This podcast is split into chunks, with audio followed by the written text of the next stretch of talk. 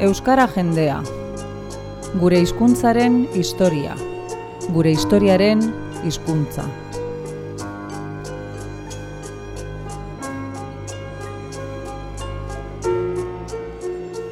Izen bereko liburuaren egile den samar ikertzaileak, Bilbo iria irratearekin solasean, pasarte laburretan, aurkeztu eta azalduko diguna.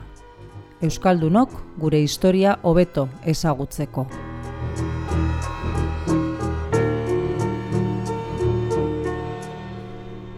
Gaurkoan Euskara idazketan. Hemen ari gara beste egun batez eh, xamarrekin, xamar, kaixo? Kaixo. Eta, bueno, nik eh, ikasi dudana, erakurri dudana da, ba, Euskararen nolabait eh, idatzizko lehen agerpena, etxepararekin izan zela, ezta? Amasei garren emendian, mila bostean da berroita bostean bere lehenbiziko liburura idatzi zuenean, baina zuri irakurria dizut hori etzela horrela izan, esplikatu, mesedez. Bai, badakizu e, beti komentatzen den kontua da, ez? Euskara ez dela izan e, hizkuntza idatzi bat. Beti izan dela ahozkoan erabilita eta idazteko erabili direla beste hizkuntz batzuk. Bergatu hori, hori Euskararen aurka mespretxagarri modura erabiltzen den hori, eh, esan behar, datu bat eman beharko genuke, Fishmani irakurri nion alengo gunean, munduan zein mila hizkuntza baldin badaude, hoietatik mila edo milak edo daukate registro idatzia. Beste guztiek ez daukate. Beraz normala da. Bai. idatzia ez dizatea ez gaitezen larritxu ez, ez aski normala da. Eta gaur egun idatziak direnak ere eh, egun batez izan ziren bakarrik ahozko hizkuntzak. E, beraz e, jauzi hori emateko edo zein hizkuntzak ematen aldu eh? ez da arazorik. Hori da. Baina gato zen geurera. Gure lehenengo testigantzak eta idatziak noizkoak ditugu ba? Bai hori ikusten dugu bueno azteko pentsatu behar da i, e, idaztea hizkuntza izan idaztea Europan barna zabaldu zela erromatarrekin. Erromatarrek ongestu zuten Europa, bazekiten bere hizkuntzan e, latinez idazten, eta ala zabaldu zen. Eta hasiera batean naiz da e, erromatar imperioa gainbera, er, imperioak gainbera egin, ba, e, ohitura gelditu zen idazteko latina erabiltzea. Latina, zegoeneko hizkuntza bizirik etzela, etzen mintzatzen, baina idatzi egiten zen e, latinez. Hori da, bosgarren menderako eta latin klasikoa, latin arrunt bihurtu zelako, eta romantzeak sortu zirenerako, ba nola baite oso bestelakatua, eta erabat galdua, ez dagoen latin klasiko gura, ez da? Ados, hori da kontua, ez? Eta emeki emeki ikusten da, nola administrazioak, ez, administrazioa bazen, orduko ere, eh? administrazioak ari dira... Eh, Nafarroko erresumakoa esan duzu? Bere, bere xiki Nafarroko erresumarena ezagutzen dugu, zen erresuma bat baitzen eta artxibategia oso zuen, eta du, zen atxiki baitira duela mila urteko idazkiak, ez? Baina nik entzun da daukat, xamar, e, orduko erregek eta zoritxarrez, ez zutela, Euskaldunak izanik ere ez zutela oso Euskararen alde jo, eta latinez, romantzez, e, mintzo izan zirela edo idatzi egin zutela, ezta? Idaztea fijo, zen espaitzekiten claro, eh, hori da, ez da romantzez ere zen idazten e, ora indikan, ez? Eta orduan idazten zen latinez. Baina administrazio papelerioan hor hasten dira agertzen, latinez idatzeta badaude ere, hasten dira agertzen toki izenak, persona izenak. Hori da, ba, e, alor baten nundik nora joaten zen, horregako alor baten e, mugak nolakoak ziren, zeintzuk ziren, eta ordu nortoki zen hori eguziak e, e, biztan da Euskaraz daude, eta hala agertzen dira dokumentuetan. E, baduzu, adibideren bat?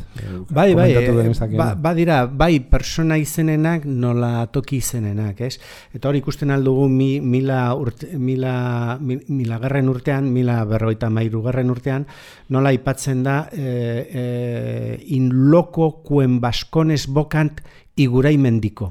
Alegia, itzulikatuko genuke, esan ez, e, idazkiak esaten duena da, e, Euskaldunek esaten Euskaldunek esat, latinez esaten du. Euskaldunek deitzen duten toki bat, e, deitzen dena, iguraimendiko. Eta hor, agertzen da Euskara, biztan da, ez?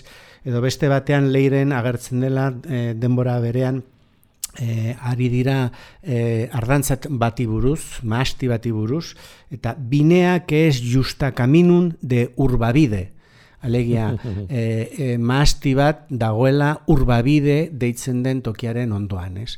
Da, olako gauzetan toki izenak agertzen Jabego dira. Jabego kontuak, muga kontuak da, eta, oie, hori da. ba. Badago bat pixka berandu xago, mila egun da piko urtean, e, e, latinese idatzita dagona, baina aipatzen dute, aipatzen da, garai hartan nola konsideratzen zuten Euskara, e, Nafarroko erresuman, ez? Eta literalki e, esaten du, ut, lingua navarrorun dikatur una maister, azeari umea buruzagi.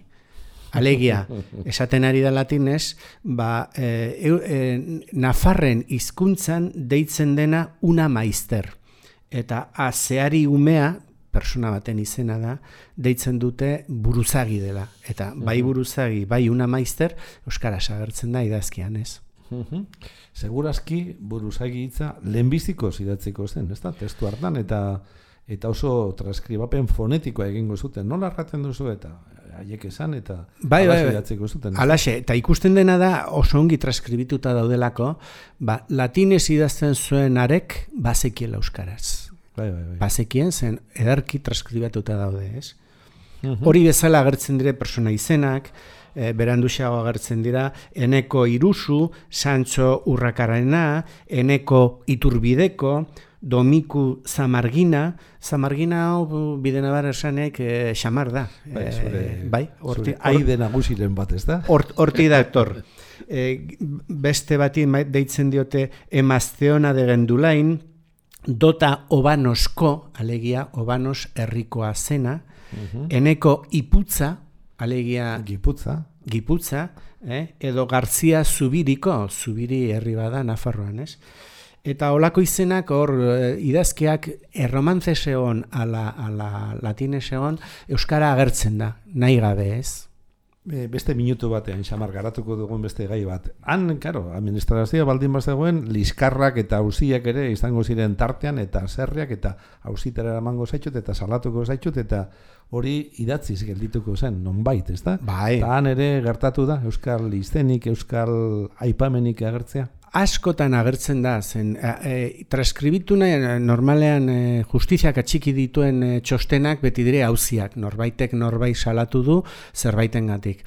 Eta hor, lekukotasunak eta batek esandakoa e, ongi e, e, atxiki behar zuten prozesuan, ez? Hauzian agertu behar zen.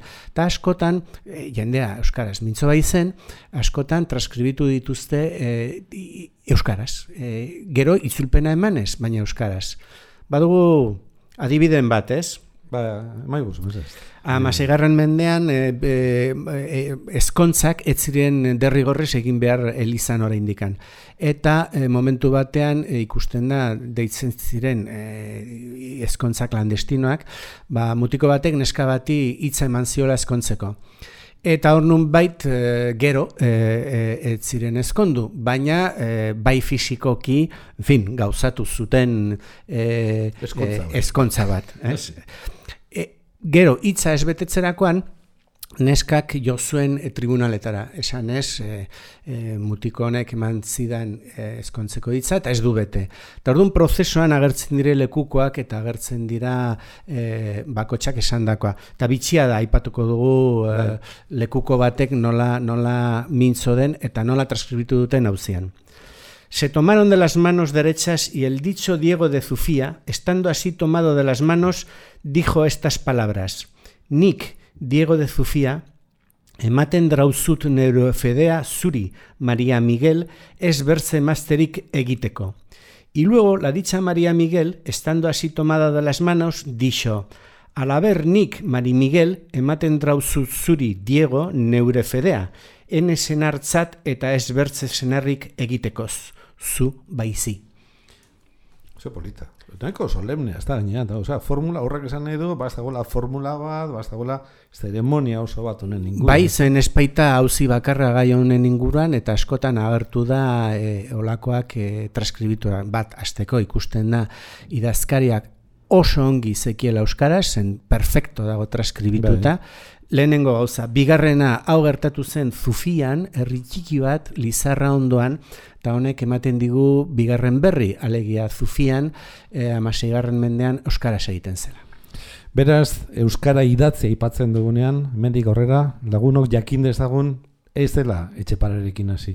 Etxepare izan zela gure lehenengo idazle ezaguna, baina izagun, ezagunak izan espaziren ere, idazle apal asko egon zirela Nafarroko administrazio horretan.